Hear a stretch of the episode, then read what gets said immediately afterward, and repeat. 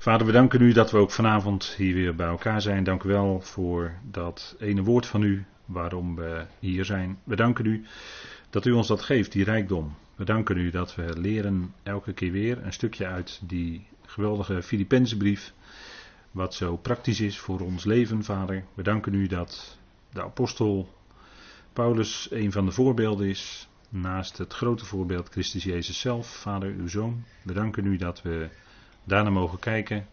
Om ook zo ons leven in dienstbetoon in te zetten. Vader, dank u wel dat we ook vanavond een stukje weer mogen overwegen uit uw woord.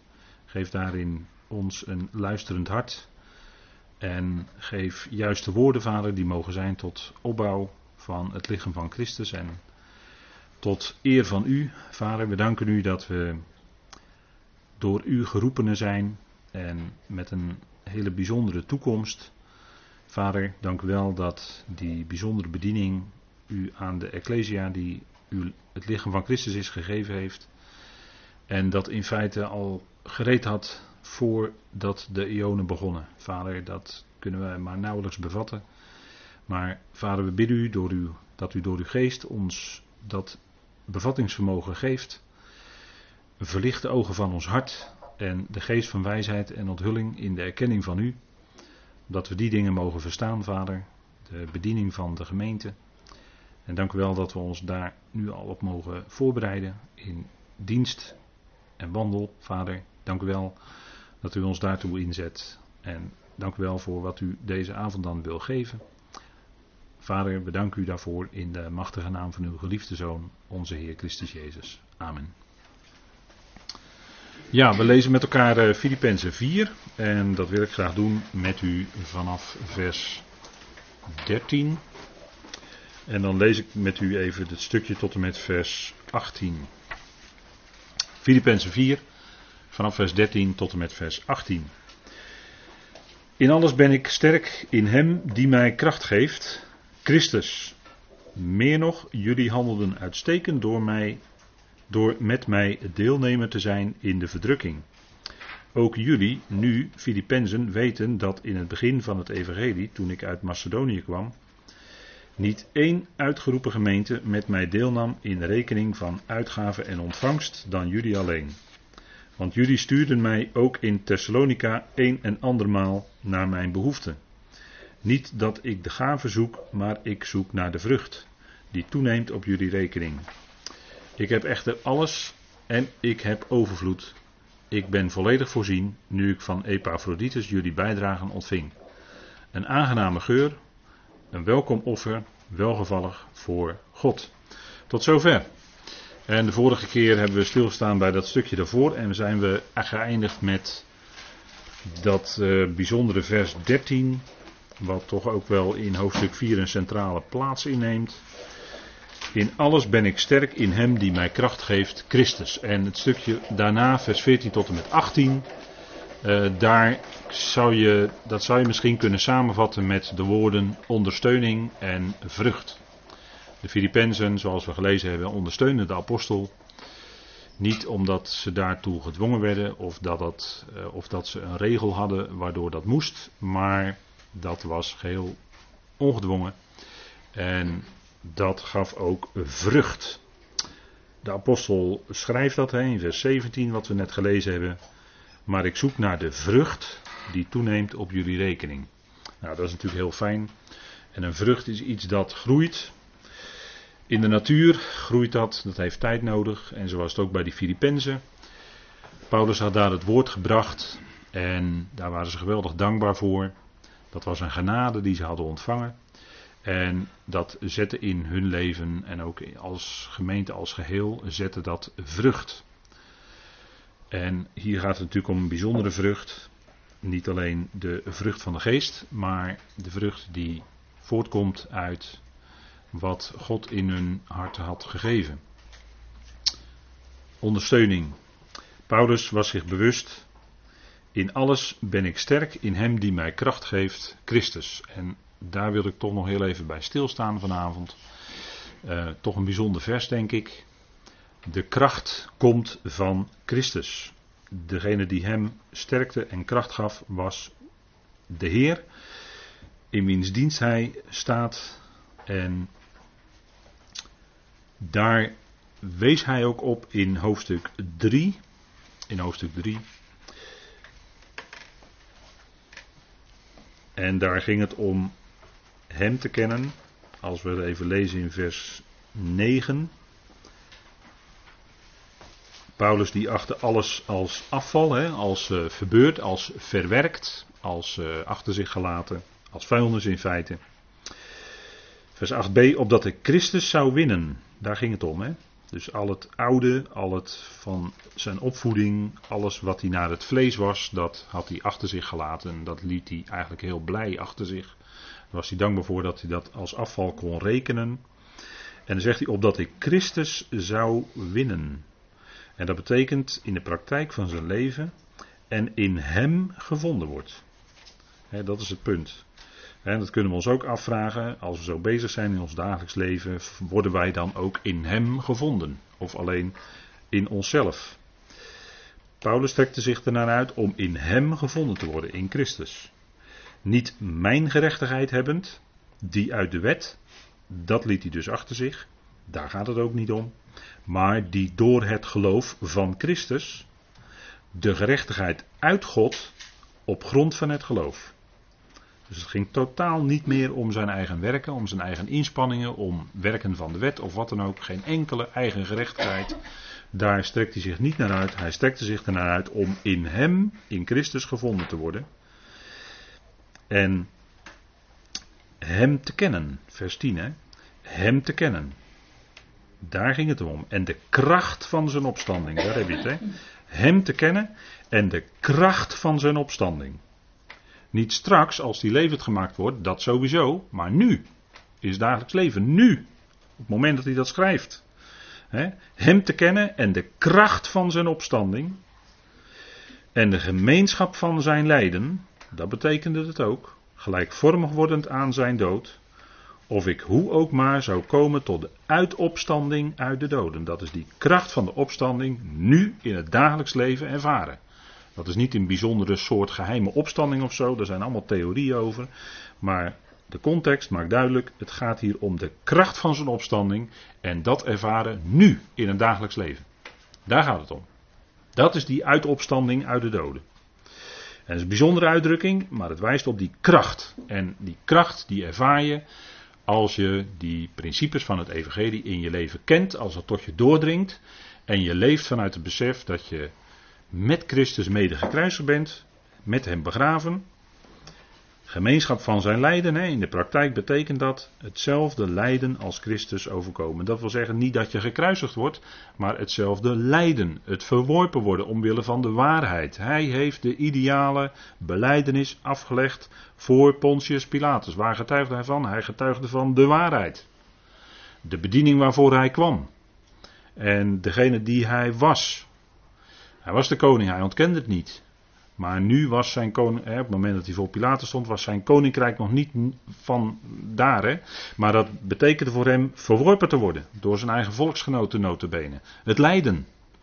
En datzelfde lijden zal ook ons overkomen. Het overkwam Paulus en het zal ook ons overkomen als we blijven bij, hè, staan in de waarheid. Als we blijven bij de waarheid voor vandaag, dan overkomt je lijden, de gemeenschap van zijn lijden en gelijkvormig wordend aan zijn dood. Dat wil zeggen het afsterven, het sterven van Jezus in het lichaam omdragend.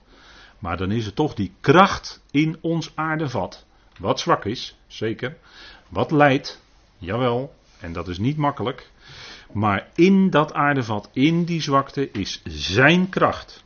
En dat is die kracht van zijn opstanding. En dat ervaar je ook. En dat ervoer de apostel Paulus ook, wel degelijk.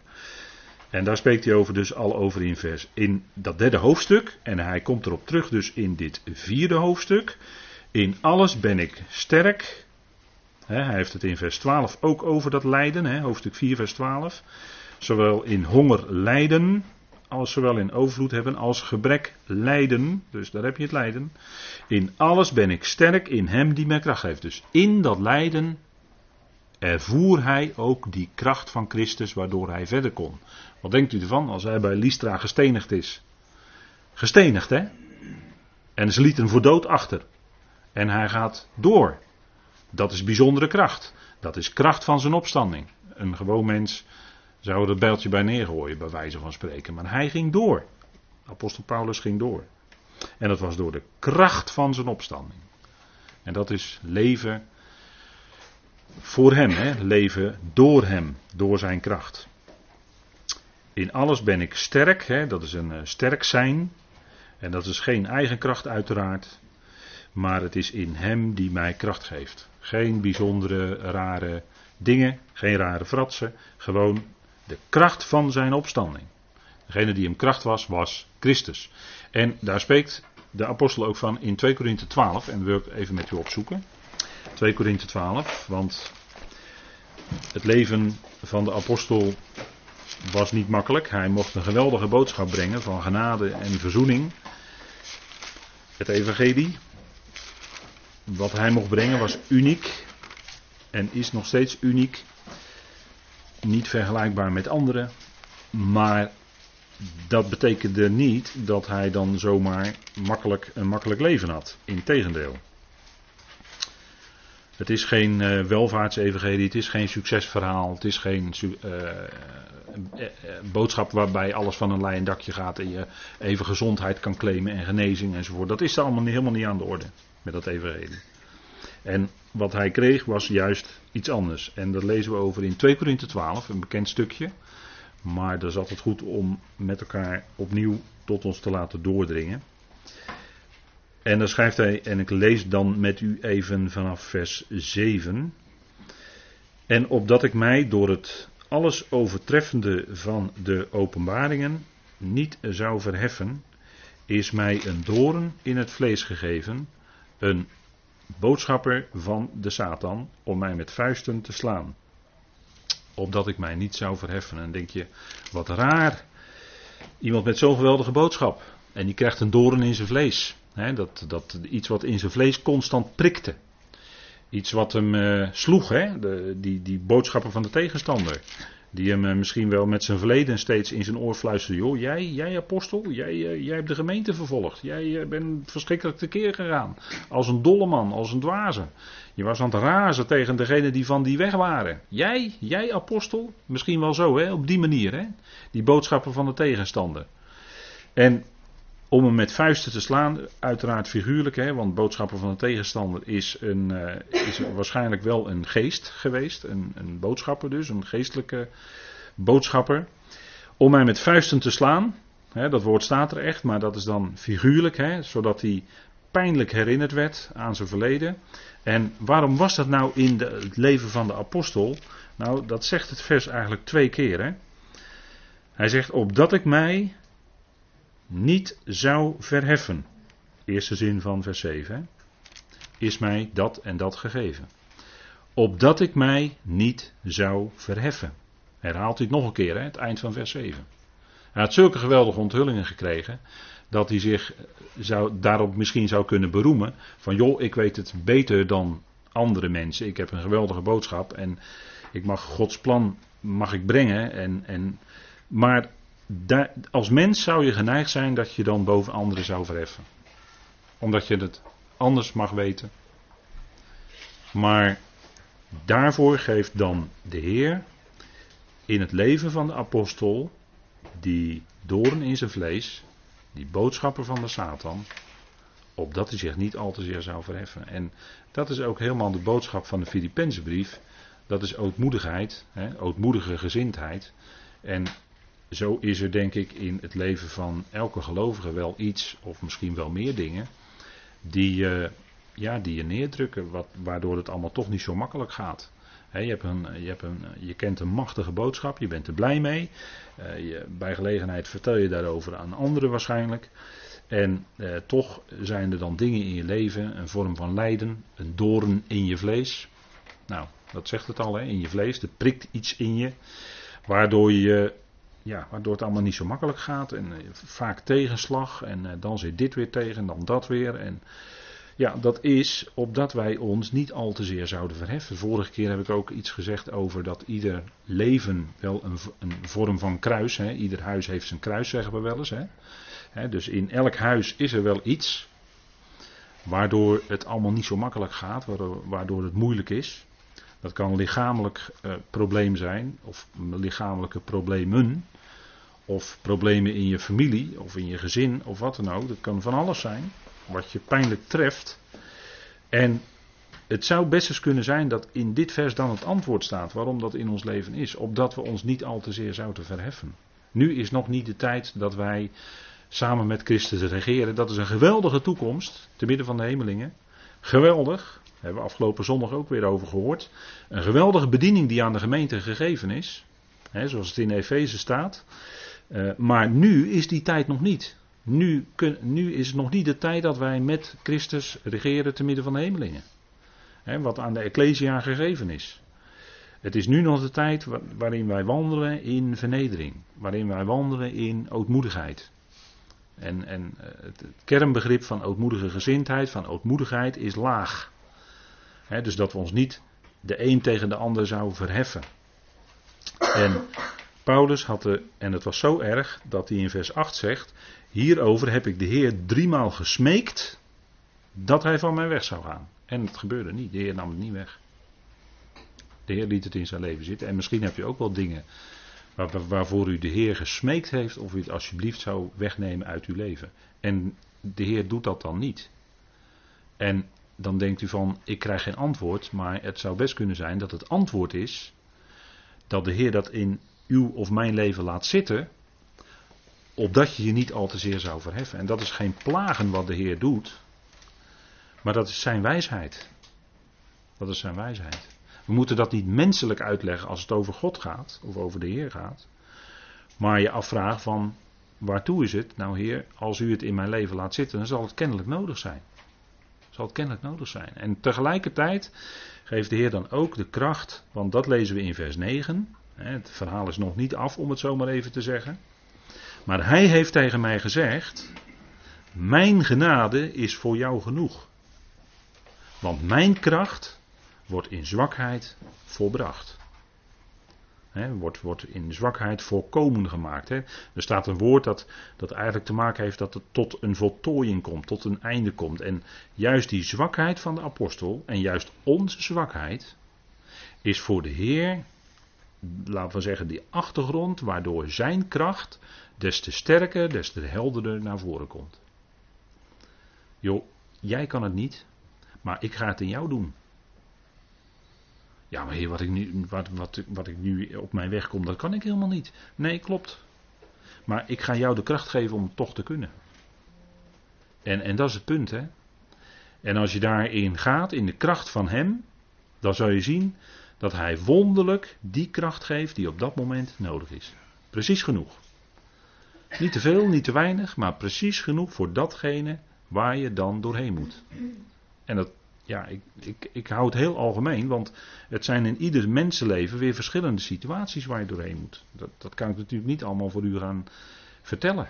Want wat voor u de situatie is, is niet voor mij en, en voor een ander. ieder heeft zo zijn eigen dingen waar je dan doorheen moet. En dat had de apostel Paulus ook. Die had erg veel wat hij op zijn bordje kreeg. Maar die had ook een grote bediening. was apostel. En daarom kreeg hij ook heel veel verdrukkingen en lijden te verwerken daar, en dan zegt hij, daarom zal ik veel liever, dus dat was heel bijzonder wat hij hier zegt in vers 9, daarom zal ik veel liever roemen in mijn zwakheden. Nou, dat is heel wonderlijk, hè? Roemen in zwakheden.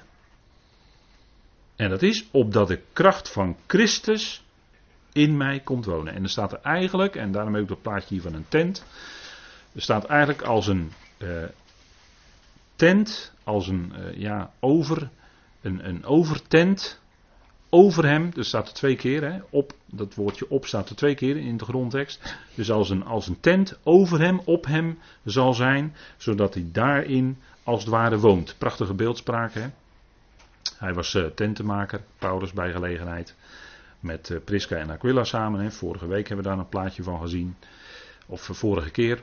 Maar dat die kracht van Christus als een tent over hem komt wonen, zodat hij door die kracht van Christus die bediening kan doen. En wat waren dan die zwakheden? Nou, dat zegt hij in vers 10. Want dan kan je afvragen, ja, wat was, dan wat was dat dan bij Paulus? Nou, dat staat erbij, hè? dat is heel vaak zo hè, in de schrift. Je moet vragen stellen aan de tekst. Wat waren nou die zwakheden? Nou, die komen in vers 10 naar voren. Dan zegt hij, daarom heb ik een behagen in zwakheden. Dat is wonderlijk, hè? Heb ik een behagen in zwakheden. En dat, dat woord welbehagen, hè, wat, wat we kennen van eudokia, uh, dat, zo'n, zo'n begrip staat er dan in zwakheden. En dat wil zeggen, in zwakheden, in mishandelingen, of dat hij smadelijk behandeld werd, en dat gebeurde nog alles. In noden, dat hij tekorten had. In vervolgingen en in benauwdheden om Christus wil. Dus er kwam, hij kwam, het overkwam hem nogal wat. Hè? En daarin was hij vaak, stond hij vaak onder druk. Maar hier heeft hij het over benauwdheid. Dat is van binnen. Uh, dat is een druk van binnen. Niet van buitenaf, maar van binnen. Dat hij van binnen als het ware beklemd was. Om al die dingen die hem overkwamen. En uh, ja, als mens, dan, dan, als je in situaties bent, dan, dan kun je dat gewoon hebben.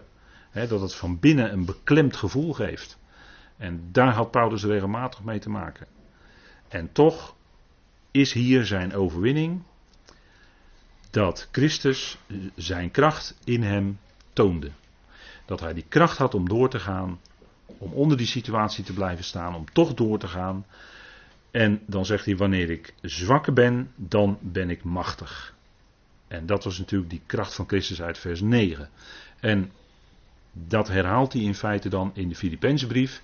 In alles ben ik sterk in die mij kracht geeft. In hem die mij kracht geeft. Dubbele punt. Christus. Nou, dat is het, hè. Daar gaat het om. Het, het ging niet om hemzelf, maar het ging om zijn Heer. Hij wilde zijn Heer verheerlijken door deze dingen zo op te schrijven. Het ging hem niet om hemzelf. En dat is uh, wat hij juist ook tegen de Corinthiërs zei, die, die zich graag beroemde op mensen. Uh, tegen de Corinthiërs zei hij bij gelegenheid: Wij prediken niet onszelf. Maar wij prediken Christus Jezus als Heer.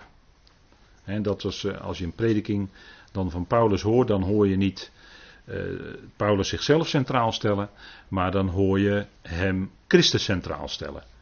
Die Heer, want die is dat is het wezen van het evangelie. Het draait om Hem. Het draait om Christus. Wij prediken niet onszelf, maar we prediken Christus Jezus als Heer. Daar gaat het om. En dat was die kracht van Christus die in het leven, heel praktisch, in zijn dagelijks leven, hem die kracht gaf om door te gaan. En ja, dat is, uh, dat is iets bijzonders. En dat is een, een, een weg die je gaat als gelovige. En, en dat je dat ervaart, dat is niet even in een paar weken tijds. Nee, er gaan jaren overheen. En jaren waarin het eh, steeds maar moeizamer misschien lijkt te gaan. Hè? Dat je denkt van nou, houdt het nou nooit een keer op. Al die tegenslag, al die moeite, al die strijd, al die, noem maar op. Hè? Nou, dat is nogal wat, waar, waar, waar, waar Paulus in betrokken was. En, en als je bijvoorbeeld kijkt bij een uh, Timotheus, hè, wat hij tegen Timotheus zegt. Nou, dat is heel wat. Laten we even kijken in 1 Timotheus 1. Hè, want dat hij met het evangelie rondging. Dan zeggen wij natuurlijk dat is prachtig. Hè, en, en hebben we het over zendingsreizen. Nou, dat vind ik altijd een beetje een vervelende uitdrukking. Hè, maar hij reisde rond. Hè, hij maakte drie reizen. En dan moet je eens kijken wat hij tegen Timotheus zegt. In 1 Timotheus 1 vers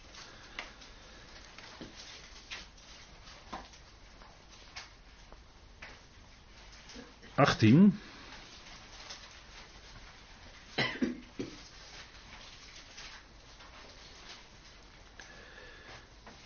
Dit gebod leg ik je op, zoon Timotheus, in overeenstemming met de profetieën die voorheen over je uitgesproken zijn, opdat je in deze dingen de ideale strijd strijdt. En dan denk van nou, ideale strijd strijdt. Maar eigenlijk staat er, niet uh, ideale strijd zijn. Er staat eigenlijk de uitstekende oorlogvoering voert. Of de uitstekende oorlog. In de uitstekende oorlog oorlog voert. Dus dat woord oorlog staat er eigenlijk twee keer. Dat is een heel sterk woord. En dat heeft ook te maken met. Wij kennen dat woord ook wel in het Nederlands in strategie. Maar dan moet je eens kijken waar dus Paulus en Timotheus, zijn opvolger, in betrokken waren. Dat was oorlogvoering. Het is niet zomaar wat. Maar daar waar het evangelie gepredikt wordt, Daar komen uh, vijandige uh, machten en krachten, die komen op om daar tegen in te gaan. Om dat weer terug te duwen, om dat weer neer te drukken. En dat is niet zomaar wat, maar dat is oorlogvoering. Dat is oorlogvoering. En dat was, dat was niet makkelijk. En vandaar dat Paulus deze dingen tegen Timotheus zegt. En dat is voor ons tot lering. Want direct daarna spreekt hij dus over, in vers 20, Hymenaeus en Alexander. En waarschijnlijk is dat dezelfde Alexander die hij in de tweede brief noemt als Alexander de Koperslager. Die zijn woorden, de woorden van Paulus, zeer had tegengewerkt. En daarvan zegt hij hier, die ik aan de tegenstander heb overgegeven, opdat zij zouden leren niet te lasteren. Dus de apostel ging rond, predikte het evangelie, hè, predikte zijn geweldige boodschap van genade. En wat gebeurde er? Laster. Ik heb u al vaker gezegd, als men die waarheid van het evangelie niet onderuit kan halen, als het allemaal gewoon zo blijkt te zijn, wat gaat men dan doen? Dan gaat men niet de boodschap, maar de boodschapper aanvallen. Dan gaat men niet meer de bal spelen, maar de man. Om in voetbaltermen te spreken. Dat is wat in het geestelijke bereik ook gebeurt. En u ziet het hier, lasteren opdat ze zouden leren niet te lasteren. En wat is lasteren? Lasteren is, een, is iemand beschadigen door middel van wat jij zegt. En, het, en goed, laat er dan liegende zijn. Hè, als er dan kwaad gesproken wordt, laat er dan liegende zijn. Maar als laster rondgaat over iemand. Nou, dat gaat heel snel rond hoor. Daar zijn heel veel oren voor, kennelijk. En die vertellen het dan weer door. En de boodschapper wordt beschadigd. Gebeurde bij Paulus. Lezen we hier terug, hè? Waarschuwing aan Timotheus. En ongetwijfeld, ik twijfel er niet aan, maar Timotheus zal hetzelfde overkomen zijn. Aan die indruk kan ik me niet onttrekken. En dat is het punt, hè? En dat is dus oorlogvoering. Dat is geen aanvalsoorlog natuurlijk van onze kant, want eh, wij hebben verdedigingswapens, maar wel degelijk is er sprake van een oorlog. En uh, dat is steeds als het evangelie gebracht wordt, dan komen die tegenkrachten als het ware bijna automatisch. Je kan erop wachten, maar dat komt op gang. En dat, dat, is, dat gebeurt. En dat zie je bij Paulus ook gebeuren. Hij, hij, spreekt, hij noemt dat woord ook, want dit is niet de enige keer. Hij noemt dat woord ook bijvoorbeeld in 2 Korinthe 10. Laten we het ook even met elkaar opzoeken. 2 Korinthe 10.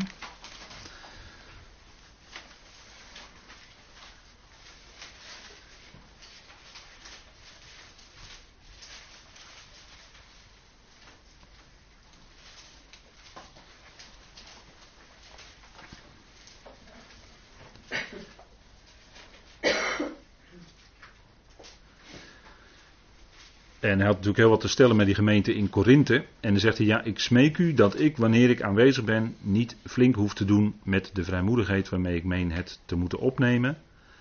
Vers, sorry, vers 2. Waar, waarmee ik meen het te moeten opnemen tegen sommigen die van mening zijn dat wij naar het vlees wandelen. Dat was zo'n lastenpraatje. Ze riepen van Paulus: Oh, die wandelt naar, naar het vlees. Nou, dat deed Paulus niet. Paulus was een geestelijk mens tot en met en die wandelde naar de geest. De wapens van onze strijd zijn immers niet vleeselijk, maar krachtig door God tot afbraak van bolwerken. Daar heb je ze dus, hè? Bolwerken. Er worden allerlei redeneringen, er worden allerlei zaken worden in stelling gebracht tegen het evangelie. En dan zegt hij de wapens van onze strijd. Dat, daar staat ook dat woord oorlog. Dat heeft te maken met oorlog. Dat is hetzelfde begrip als wat hij in Timotheus ook gebruikt. En die wapens zijn niet vleeselijk, want we hebben een geestelijke wapenrusting. Zie Efeze 6, overbekend denk ik voor u. Maar onze strijd is dus geestelijk en het is een verdediging, maar het is wel degelijk oorlog. Want er zijn grote bolwerken worden opgeworpen tegen de kennis van God, tegen de kennis, tegen het evangelie, hè, tegen het goede nieuws. En die bolwerken die zijn uh, in tradities inmiddels al lang vastgelegd. En die zijn er nog steeds, hè, grote bolwerken. Dus het is uh, sprake van oorlog, dat is nogal wat. Dus dat is nog wel ernstig. En vandaar dat Paulus allerlei lijden overkwam. Zwakheden, mishandelingen, noodzaken, hè, uh, noden, benauwdheden. enzovoort. Hij noemt eh, in 2 Korinthe 11 ook nog een lijst en in 2 Korinthe 6, hè, dat, dat, dat kun je zo allemaal teruglezen. En in dat alles had hij die kracht van Christus heel erg hard nodig. En zo ook wij. Wij zijn net zo'n zwak mens als dat Paulus was. En wij hebben net zo die kracht van Christus nodig als dat hij die nodig had. En die kracht van Christus die functioneert in je als je dat leven met hem leeft. En in afhankelijkheid van de Heer leeft. En, en de zaken met gebed hebben we net behandeld. Hè, met gebed en smeking, met dank bij hem bekend maakt. Hè, de weg die je moet gaan elke dag aan hem voorlegt. En dan in afhankelijkheid van de Heer zo je weggaan.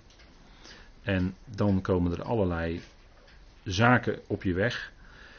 En allerlei tegenstand is er ook. Hè? Als je bezig bent het evangelie te uiten, dan kun je erop wachten, maar dan krijg je tegenstand. En dan is het zaak om in die kracht van de Heer verder te kunnen gaan. Want anders zou je uh, ontmoedigd kunnen worden. Paulus zegt in 2 Korinthe 4, daarom verliezen wij de moed niet.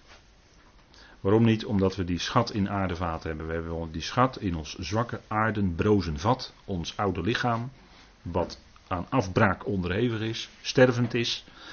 En wij verwachten dat geweldige nieuwe verheerlijkte lichaam, dat gebouw uit God, daar gaat hij 2 Korinthe 5 gelijk mee verder, hè?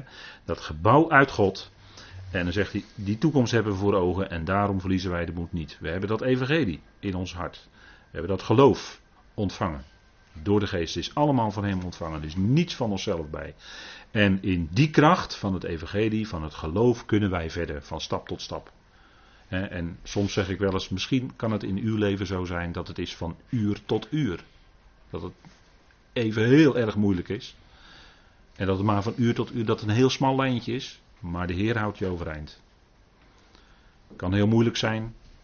Veel pijn. Ik heb te doen met, met als je hoort van mensen die jaren en jaren lang hevige pijn hebben. Ik vind dat heel, heel akelig. En ik weet niet wat dat is. En, en dan kan je alleen maar, ja, wat kan je doen? Je kan alleen voor bidden dat, dat, dat God in die omstandigheden die draagkracht geeft om daaronder te kunnen blijven. Als artsen ook niet, niet verder meer kunnen, geen middelen meer hebben om, om die pijn op te lossen. Ja, wat moet je dan? Dat is moeilijk. Dat overkomt mensen, dat overkomt gelovigen. En, en dat zijn dingen, ja, dat is het lijden. En, en ja, dat. Alleen er is wel een beperking aan het lijden, gelukkig. Het is niet altijd durend, hè. En we leven toe naar dat geweldige moment. En dat is echt geen uh, slogan of zo. Maar we leven natuurlijk naar dat moment toe dat die bazuin gaat klinken. In die verwachting leven we. En die verwachting leefde Paulus. En die verwachting hebben wij ook. En, en, we zeggen vaak tegen elkaar, het kan niet lang meer duren. Als je kijkt hoe het gaat in, in, de, in de maatschappij, als je kijkt de dingen die gebeuren, manifestaties eh, bij, bij, bij grote gebeurtenissen, wat, wat er dan getoond wordt, is huiveringwekkend. En dan zie je dat de, de, de werken van de tegenstander steeds openlijker tentoongesteld worden. Het gebeurt, allemaal niet meer, het gebeurt allemaal niet meer in het geheim, maar het wordt openlijk voor honderden miljoenen mensen op televisie wordt het gewoon allemaal getoond. Die tijd leven we. En dat het dus steeds verder gaat. En daaraan zie je dat dat moment dat de Heer gaat komen, dat die bazuin gaat klinken, we zitten er heel dichtbij. Als u het mij vraagt. Ik, ik denk dat heel sterk. Ik heb daar verder geen, ik heb verder geen rekensommetje of zo. Ik ga niet rekenen met jaren. Maar het is wel zo dat je ziet de dingen die gebeuren allemaal. En men gaat roepen steeds meer vrede en veiligheid hè, in het Midden-Oosten. Die roep wordt toch steeds sterker. Dan, zijn, dan gaan we echt naar die tijd toe. En dat is wat gaat komen. En naarmate die tijd dichterbij komt, gaat die andere kant zich ook steeds meer manifesteren, gaat zich steeds meer roeren. En Petrus zegt dan als eenmaal die tegenstander op de aarde is neergeworpen, dat is nu nog niet, maar dat is straks als wij weg zijn, wordt hij op de aarde geworpen. En dan weet hij, gaat hij rond als een brullende leeuw, wetend dat hij nog maar weinig tijd heeft. Maar nu is hij nog boven, te midden van de hemelingen. En weet hoogstwaarschijnlijk dat hij nog niet zoveel tijd meer heeft. En daarom gaat die geestelijke wereld zich steeds meer roeren en wordt de druk steeds groter. Hè? Wij hebben misschien nog betrekkelijk rustig hier in Nederland, maar er zijn heel veel christenen die om hun geloof in Jezus vervolgd worden in deze wereld. Als je die lijst ziet, het wordt steeds langer, die lijst. Er worden steeds meer christenen ook vanwege hun geloof in Jezus gedood. Dat is, dat, dat, elk jaar neemt dat aantal sterk toe. En daar moet u zich niet in vergissen. Dat, dus die druk vanuit die geestelijke wereld wordt steeds groter. En daarom ben ik ervan overtuigd dat we heel dicht bij het moment van die bazuin zitten. En daar leven naartoe. Dus dat is ook onze verwachting. Onze verwachting is niet zo dat wij naar allerlei tekenen gaan kijken. Dat is voor Israël. Wij, wij verwachten hem bij die bazuin. Geen tekenen, maar wij verwachten hem. Daar gaat het om. En dan gaat er iets geweldigs gebeuren. Dan gaat, het, gaat ons lichaam, als we dan nog leven, worden wij helemaal veranderd. Fantastisch. En dan krijgen we een verheerlijk lichaam. En de doden in Christus zullen eerst opstaan. En die zullen dan ook opstaan in heerlijkheid. En dan, dan is voor iedereen, als de bazuin klinkt, is voor iedereen van het liggen van Christus het lijden definitief voorbij. En daar gaan we naartoe. En dat zijn de woorden waarmee we elkaar kunnen bemoedigen. He, bemoedigt elkaar dan met deze woorden, zegt Paulus. Nou, zo kunnen we elkaar toespreken, kunnen we elkaar aanspreken, bemoedigend. En uh, dat zijn dingen die je, denk ik, als je een bak koffie met elkaar drinkt, ook eens kan delen. Naast misschien alle andere dingen. Maar dan kun je dus ook daarover met elkaar spreken, tot bemoediging. Nou, hebben we nodig, want wij maken ook benauwdheden en alles mee. Goed, als we even kijken naar ons stukje van vandaag, Filippenzen 4 vanaf vers 14, dan zien we dat dat tegenover een stukje staat in hoofdstuk 1. En dat hebben we natuurlijk al jaren geleden met elkaar besproken. De Filippenzen delen met Paulus, vers 14 en 15 wat we gelezen hebben van hoofdstuk 4. En dat staat tegenover hoofdstuk 1 vers 3 tot en met 6. De Filippenzen delen het evangelie. Hun bijdrage wordt genoemd in vers 15 tot en met 18. En hun bijdrage wordt ook genoemd in vers 7 en 8 van hoofdstuk 1. En dan hebben we de lofprijzing aan God, vers 19 en 20. En in vers 9 tot 11 van hoofdstuk 1 staat daar tegenover gebed, heerlijkheid en lof aan God. Zo zie je dat die, zo'n brief heel wonderlijke structuur kent, waaraan je, wat mij betreft, een inspiratie door God kan terugzien. Hè? Want deze structuren die komen eigenlijk in de hele schrift voor. Hè? Dat dingen met elkaar te maken hebben. Dat ze eigenlijk van twee kanten dan belicht worden. dus, uh, een, uh, ze noemen dat ook wel eens een, uh, als je een brief ziet zo, een introversie. Dan is het middelste deel van de brief ligt de nadruk op. En dan komen de begin en eind bij elkaar enzovoort. U kent die structuren wel, hè? daar hebben we wel eens wat over gepubliceerd in het verleden. Maar de Filippenzen, zo zie je dus dat deze dingen met elkaar te maken hebben. En dan zegt Paulus in vers 14. Meer nog, jullie handelden uitstekend door met mij deelnemer te zijn in de verdrukking. En dat zat eigenlijk tegenover dat vers 6 van hoofdstuk 1. Daarover wordt gesproken door een goed werk. Maar hier staat nog iets meer. Meer nog, jullie handelden uitstekend. En dat zijn twee verschillende woorden in de grondtekst. Het woord goed en het woord uitstekend is in veel vertalingen, valt dat helemaal weg. Dan wordt dat alleen maar goed vertaald. Maar er zit juist verschil in. Hè? Goed is uh, oké, maar uitstekend, dat gaat er nog bovenuit. En Paulus zegt hier, jullie handelden of jullie doen. En dat staat dan in die bijzondere, ja eigenlijk kan ik niet zeggen, ja wel tijdsvorm, maar dat is eigenlijk een feit. Hè? Het wordt als feit wordt het gepresenteerd. Meer nog, jullie handelden. Vers 14. En u ziet daar ook een klein liggend streepje voor staan. Met DO. Dat betekent dat er eigenlijk in de grondtekst staat het woord voor doen. En dat staat dan in de, als een feit. Als een feit. Dus niet zozeer aan tijd gebonden. Maar het gaat om het feit dat. En dat is een tijdvorm, om het zo maar te zeggen, die heel vaak in de Griekse schrift gebruikt wordt om een feit aan te geven. En om nog een ander woord of een ander voorbeeld aan te geven wat heel fijn is van een feit, vinden we bijvoorbeeld in Romeinen 8. U weet wel, die vijf gouden schakels die we kennen. Dat wij tevoren gekend zijn, tevoren bestemd. Dat God ons roept, rechtvaardigt, verheerlijkt. En al die vijf begrippen staan allemaal in diezelfde tijdsvorm. Het zijn feiten. Het is niet alleen dat God ons natuurlijk, hij kende ons tevoren, en dan kun je zeggen, ja, dat was in het verleden, maar dat wordt wel gezegd als een feit. Een, hè, we zeggen dan een tijdloos feit. En dat is geweldig dat God ons tevoren kende, dat hij ons tevoren bestemde, dat hij ons roept, rechtvaardigt en verheerlijkt. En wij, wij zeggen dan altijd tegen elkaar, ja, dat verheerlijken is in de toekomst. Maar daar kan je over nadenken, want als u het mij vraagt, is dat verheerlijken ook nu al. Dat wij van binnen in ons hart iets van die heerlijkheid ervaren, die God ons geeft. En dat we op momenten daar heel erg dankbaar en blij mee zijn. En, en dat stukje heerlijkheid en, en het besef, hè, het diepe besef, dat, dat er niets buiten hem omgaat en dat ook niets ons kan scheiden van zijn liefde. Dat is geweldig. Hè? En als je dat, eh, dat van binnen weet, hè, die, die rust en die vrede die dat geeft, dat is al een stukje heerlijkheid. Dus dat verheerlijken, natuurlijk weten we, lijfelijk is dat nog toekomst. Oké, maar het is een feit. Het is net zo'n feit als dat hij ons tevoren gekend heeft, tevoren bestemd, en dat hij ons roept en rechtvaardigt, maar dat verheerlijken is net zo'n feit. Dus dat, staat gewoon, dat ligt gewoon helemaal vast.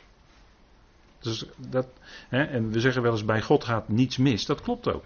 Bij God gaat ook helemaal niets mis. Hè, dat, dat, dat, dat de eerste mens, dat die, hè, de eerste mensen, dat die zondigden, dat, dat was helemaal geen verrassing voor God. Het was ook geen proefgebod. Het was eh, God die in die hof die boom van kennis van goed en kwaad neerzette. En die boom van het leven. En het was ook God die tegen de mens zei: je, daarvan, uh, je, je mag daarvan niet eten. En als je het wel doet, word je sterven. En God wist al dat de mens dat wel zou doen. En God had ook kunnen verhinderen dat die slang in die hof was. Maar God verhinderde dat niet. Die slang die was daar gewoon. Dat was allemaal Gods plan, ten diepste. En, en dat is het punt. Hè? Kijk, bij God gaat er helemaal niets mis. En, en zelfs het zondigen was in zijn plan opgenomen. Waarom? Opdat hij zijn genade en heerlijkheid als God, als liefdevolle God en Vader bekend zou kunnen maken. Kijk, en als je, als je weet waar God naartoe werkt, hè, het einddoel van God, als je dat weet, als je dat echt goed weet, dan ga je ook steeds meer begrijpen de stappen die God zet op weg naar het einddoel toe. En we moeten nooit het proces wat God doet, dus de voortgang in zijn plan, moeten we ook nooit verwarren met het einddoel zelf. En het einddoel is heerlijkheid. En vooral voor God zelf, heerlijkheid. Hij zal alle heerlijkheid ontvangen. En verheerlijkt worden. Daar gaat het om. God, de Vader. Maar op weg naar dat einddoel toe voert hij een proces en zet hij allemaal stappen. En een van die noodzakelijke stappen, pijnlijk noodzakelijk, was het zondigen. Maar de mens was niet de eerste die zondigde, het was de tegenstander die als tegenstander door God geschapen was, gecreëerd was. Als tegenstander. De tegenstander zondigt van den beginnen. Vanaf het begin. Er is geen waarheid in hem. Hij is de vader van de leugen. En dat, is, dat zijn noodzakelijke stappen, noodzakelijk kwaad in Gods plan. Maar dat is om te komen tot het einddoel. En het einddoel is heerlijkheid voor al die schepselen, voor die hele schepping. Dat is het, hè? God is het die, en dat staat heel mooi in uh, Timotheus, 1 Timotheus 6. God is het die het al, staat er dan, tapanta, het al levend maakt. Dat is fantastisch. dat is wat God doet. Dat is zijn grote werk. En daartoe zet hij stappen in zijn plan om tot het einddoel te kunnen komen. En ik heb het over heerlijkheid, maar voorafgaand aan die heerlijkheid, en ik heb ook genoemd het zondigen, is daar ook het lijden. En de verdrukkingen ondergaan. En je kunt lijden en verdrukkingen ondergaan als gevolg van jouw zondigen, dat kan. En je kunt ook lijden en verdrukkingen ondergaan omwille van het evangelie voor Christus, dat kan ook dat zijn twee principes waardoor lijden en verdrukkingen kunnen ontstaan in een mensenleven, kunnen zijn. Maar dat zijn ook stappen die nodig zijn op weg om tot dat einddoel te kunnen komen. En het probleem met heel veel mensen is dat ze wat onderweg, wat God doet onderweg, dat ze dat verwarren met het einddoel zelf. Dus dat hij mensen, inderdaad, er gaan mensen verloren, maar dat is tijdelijk. Dat is een stap op weg naar het einddoel. Ze zijn niet voor eeuwig verloren, nee, ze zijn tijdelijk buiten beeld, tijdelijk omgekomen, tijdelijk verloren. Maar dat is opdat ze ook weer gevonden zullen worden, want al het verlorene in de Bijbel, ik hoop dat u dat, ik denk dat u dat heel goed weet, al het verlorene in de Bijbel wordt gevonden. Hè? De zoon des mensen was ook gekomen om het verlorene te zoeken en te redden. Hè? Dat zegt hij van zichzelf. En die missie die slaagt. Die missie slaagt. dat is het geweldige van het Evangelie. Dat maakt duidelijk dat Christus Jezus in de wereld is gekomen om zondaren te redden. En dat doet hij ook. Daarvoor is hij gekomen. En dat spreekt van liefde. En dat is het geweldige, dat, dat evangelie is helemaal doordrongen van de liefde van God. En het is ook echt liefde, want hij gaat ook aan het eind met iedereen tot zijn doel komen. Dat is zijn liefde. En wij begrijpen dan de stappen soms niet die hij zet op weg naar het einddoel toe.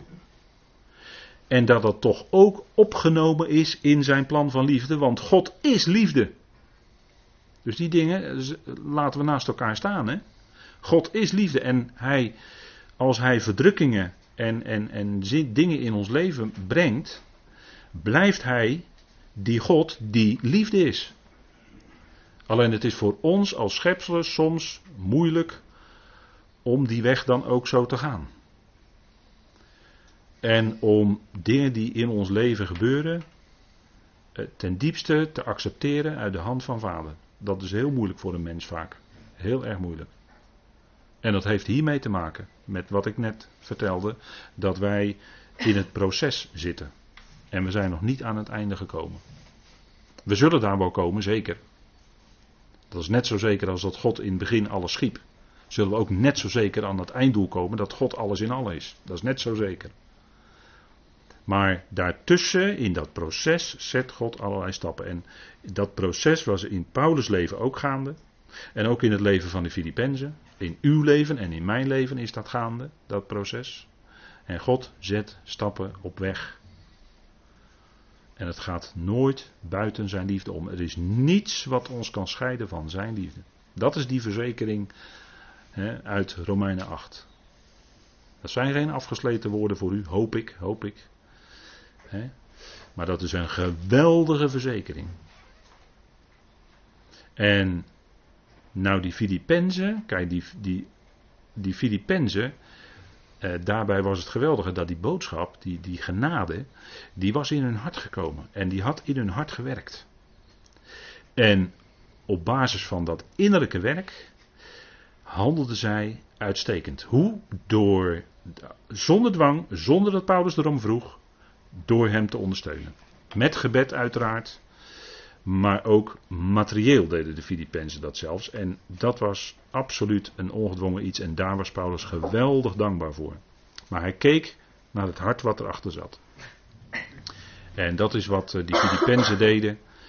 zij hadden vanuit dat kennis van het evangelie, hadden zij ook zichzelf, hun eigen lichaam, zoals Paulus dat zegt in Romeinen 12, hun eigen lichaam gesteld tot een levend, heilig en God welgevallig offer. Een offer.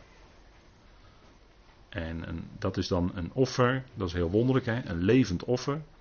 Maar dat doet denken aan het brandofferaltaar, waar het, het geslachte offerdier, want dat, dat werd niet gedood op het altaar, maar dat werd daarvoor al geslacht.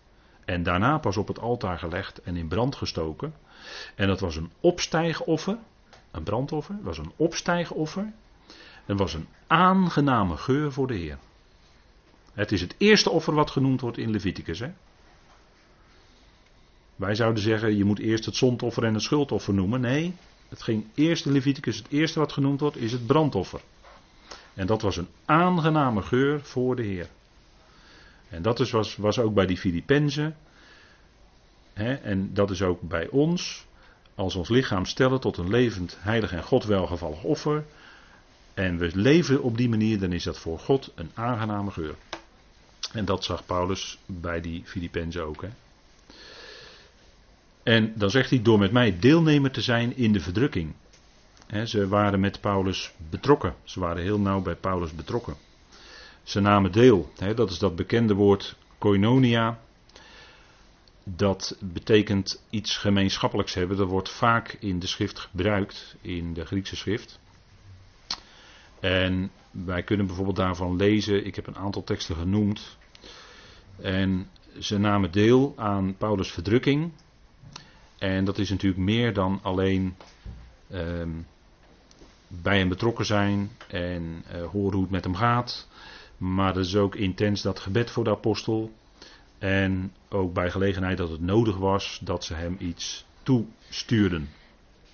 En dat deelnemen, dat vinden wij ook bijvoorbeeld in 2 Korinthe 9. Laten we het even met elkaar opzoeken. En ik heb een aantal teksten op deze dia gezet, zodat u dat zelf ook kunt nalopen. Het is toch bijna, het is bijna vakantietijd, hè? dus in de vakantie heeft u misschien wat meer tijd.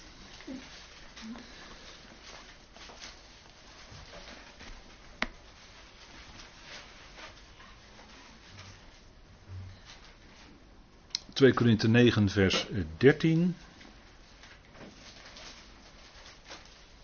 En dan gaat het over de gift die door de gemeenten in Macedonië, onder andere in Macedonië, gedaan werd voor de armen in Jeruzalem. Die dan Paulus meenam en daar afleverde voor de arme heiligen in Jeruzalem. Want het betonen van deze dienst, daar heeft hij dan over, over die gift, vult niet alleen de tekorten van de heiligen aan, maar is ook een overvloedige bron van vele dankzeggingen aan God. Want door dit bewijs van dienstbetoon verheerlijken zij God vanwege de onderdanigheid aan het evangelie van Christus, overeenkomstig uw beleidenis en de gulle handreiking aan hen en aan allen. En dat is dan hun gemeenschappelijkheid, hè? Uh, dat zij dus deelnamen met die heiligen daar was een tekort. En zij gaven, dat hebben we vorige week 2 Korinthe 8 de eerste versen gelezen. Zij gaven, hoewel ze weinig hadden, gaven zij toch uh, naar die maat gerekend gul voor die armen in Jeruzalem. En Paulus nam die gift mee. En, daar heeft hij, en dat was ook hun deelname aan die uh, tekort van die heiligen daar in Jeruzalem. Nou, zo die Filippenzen, die namen deel aan de verdrukking van Paulus door hem te ondersteunen. En verdrukkingen die overkwamen de apostel veelvuldig, hè, dat weet u. En daar, dat was bij de Filippenzen wel degelijk onder de aandacht. En dat woord verdrukking, ik had het net over het woord benauwdheid, dat is als je van binnen beklemd bent. Van binnen een beklemd gevoel hebben van binnen. dat is eh, van binnen als het ware samengedrukt worden. En dat overkwam Paulus regelmatig. Vanwege de enorme dingen waar hij mee te maken had. Hij had zoveel. En ook verdrukking, maar dat is dan de druk van buitenaf. Dat is niet de druk van binnenin je. Maar de verdrukking, waar het hier over gaat, tripsis, dat is de druk van buitenaf. dat is het woord verdrukking, wat vaak zo vertaald wordt. En daar had hij ook mee te maken. En dat was ten behoeve van het Evangelie. Efeze 3 wil ik even dan met u daarover lezen. Dus ik pak van deze dia van beide begrippen één tekst, waarin het ook nog meer voorkomt, even om te vergelijken. En dan zegt hij, of dan schrijft hij, Efeze 3, vers 13. Daarom verzoek ik jullie niet ontmoedigd te zijn in mijn verdrukkingen voor jullie, wat jullie heerlijkheid is. En daarin klinkt door een stukje vreugde bij Paulus. Hij onderging verdrukkingen, maar dat was ten behoeve van de heiligen. Hè, want Efeze is een algemene rondzendbrief geweest. Niet specifiek aan Efeze, maar algemeen. Aan alle heiligen en gelovigen. Maar mijn verdrukkingen voor jullie, wat jullie heerlijkheid is. En hier klinkt vreugde door bij de apostel. En een vergelijkingstekst, die wordt hier, staat hier ook bij in uw concordante vertaling. Colossense 1 vers 24. Dat is een tekst die we ook wel eens hebben opgezocht. En daarin staat, thans verblijd ik mij in mijn lijden voor jullie. Of voor de uitgeroepen gemeente. En, en dat is heel wonderlijk hè. dat Paulus zich in lijden en verdrukkingen verblijde. Omdat het was ten behoeve van jullie, de gemeente. En daar was, daar, daar, eh, ja, dat, dat leven van de apostel Paulus was zo'n brandoffer zou je kunnen zeggen. Dat verbrandde helemaal in de dienst aan de Heer. Geweldig. En daarin onderging hij verdrukkingen. Druk van buitenaf. Constant die tegendruk van de tegenstanders. En ook de druk om het evangelie te brengen. En elke keer weer die boodschap uit te laten gaan. Dat geeft ook druk. Maar dat deed hij met vreugde. En dat kostte hem heel veel moeite en inspanning. Hij had het over dat hij regelmatig nachten had zonder slaap. en, en dan met zo'n leven. Dat is heel wat. Hij onderging lijden en verdrukkingen, maar dat, dat, had hij, dat deed hij met vreugde in zijn hart. En zo was zijn leven, als het ware, en dat vind ik een prachtig uh, voorbeeld, vind ik zo'n brandoffer bij Israël. wat helemaal opging. Dat was een vuuroffer. Dat was een opstijgoffer. Dat is het woord eigenlijk in het Hebreeuws. Een opstijgoffer, een ola. Wat helemaal opstijgt en waarvan niets overbleef. Daar mochten de priesters ook niet van eten. Dat werd helemaal verbrand en het was helemaal voor de Heer en het was een aangename geur. Het was een aangename geur. Waarom? Omdat het natuurlijk sprak van de overgave van de Heer zelf, later, er was natuurlijk een type van. De enorme overgave van Christus zelf. Die zelf ook helemaal opging in het dienst aan de Heer. Omdat het daarvan sprak, was het voor God een aangename geur. En zo zijn die. En als je de Leviticus dan verder naloopt, dat uh, graanoffer of spijsoffer, en dan krijg je daarna het dankoffer. Dat zijn ook offeranden waarvan gezegd wordt dat is een aangename geur. En dat spreekt ook op diverse van diverse kanten van uh, levens en harten die gewijd zijn aan Hem. Volledig. Dat is voor God een aangename geur. En een zondoffer en een schuldoffer was geen, moest gebracht worden, maar was geen aangename geur. Staat er dan niet bij. En, en zo namen die Filippenzen deel in de verdrukking. En we hebben in vers 18 gelezen dat dat was een offer hè, en met een aangename geur. En dan loop ik al een beetje vooruit hoor. Op de tekst. Hè, maar we hebben het gelezen. Paulus zocht naar de vrucht. En dan zegt hij. Een, eh, dat, dat Paulus die bijdrage had ontvangen via Epaphroditus. Een aangename geur. Een welkom offer. Welgevallig voor God. En dat woord uh, offer is een heel algemeen woord voor de hele offerdienst van Israël dat, daar verwijst het in feite naar terug. Het is natuurlijk een beeld dat Paulus gebruikt. Maar het spreekt vooral van dat brandoffer wat helemaal opging in rook voor de Heer. En dat is wat de Filippenzen brachten. En dit is natuurlijk wat, als het gaat om die, om, om die gaven die de gemeentes brachten voor de heiligen in Jeruzalem.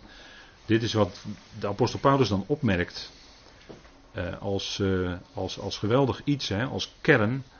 Uh, in 2 Korinthe 8, ik heb dat deze dia even voor u uitgeschreven. Want jullie kennen de genade van de Heer Jezus Christus. Dat Hij, hoewel Hij rijk is, omwille van jullie arm werd, opdat jullie door diens armoede rijk worden. Nou, dat is heel bijzonder, hè? En dat is iets wat, ja, zo'n woord, eh, dat, dat, dat moet harten van die Corinthiërs geraakt hebben. als je dit leest, dan raakt dat je hart. Want dit is zo geweldig wat de Heer gedaan heeft. hij, had, hij had die hoge plaats bij de Vader. En dat heeft hij verlaten. Daar gaat Filippenzen 2 over. Die, die hoge plaats heeft hij verlaten. En hij is tot de diepste diepte vernederd geworden. Verrootmoedigd. Arm geworden dus. He, gebruikt Paulus hier een ander woord. Arm geworden. Opdat jullie door diens armoede rijk worden. En in die geest en in die gezindheid was Paulus zelf ook bezig. En daarom kon hij zich in zijn lijden en verdrukkingen voor de gemeente kon hij zich verheugen. Paulus had helemaal niet veel nodig en was vaak ook in armoedige omstandigheden. Hij had vaak tekorten. Maar daar sprak hij eigenlijk nooit over. En hij was in alles ingewijd, dat hebben we vorige keer gezien. Hè? Hij was ingewijd in hongerlijden, gebreklijden. Maar hij wist dat het de hand was van vader. En dat vader hem voldoende zou geven. En zo was het ook. Hij gaf hem steeds voldoende, zodat hij weer verder kon. En naar de mens gesproken zouden zeggen, nou, hij leidt gebrek. Maar dat was voor Paulus, als ik het even modern zeg, dat boeide Paulus niet. Want hij had een geweldige Heer. En die Heer die voorzag. En als hij dan door een periode van armoede zou moeten gaan, dat maakte hem niks uit als hij die gelovigen maar rijk kon maken. En dat deed hij. Dat was die genade die ook aan Paulus gegeven was. En dat was de genade die vooral aan de Heer, hè, want we lezen hier, de genade van de Heer Jezus Christus. En dat is wat het Evangelie ademt, genade. En dat is een rijk geschenk. En Paulus mocht die Filippenzen voorzien van dat rijke geschenk van genade van het Evangelie. En dat wekte in die harten van de Filippenzen iets dat ze bij gelegenheid aan Paulus spontaan, zonder dwang, iets gaven.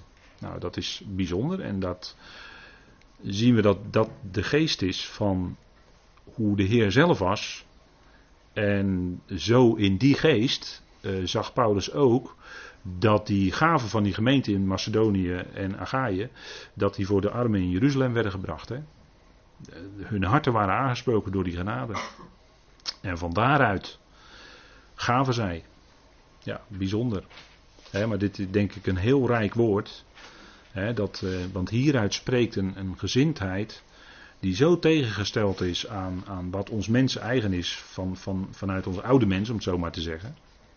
Maar dit is heel, dit is heel anders. Dit is heel anders. En dat is ook niet uh, bewust arm, arm moeten worden. Nee, uh, door omstandigheden. En, en hij ging die weg. Hij ging die diepe weg. Niet zijn eigen wil. Niet zijn eigen wil. Maar de wil van vader willen doen. dat was het. En dat is het ook. En ik denk dat dat voor ons uh, een, bijzondere notitie is. Hè? Ik denk dat dit een rijk woord is uh, om maar even mee te gaan pauzeren. Nou, even koffie drinken.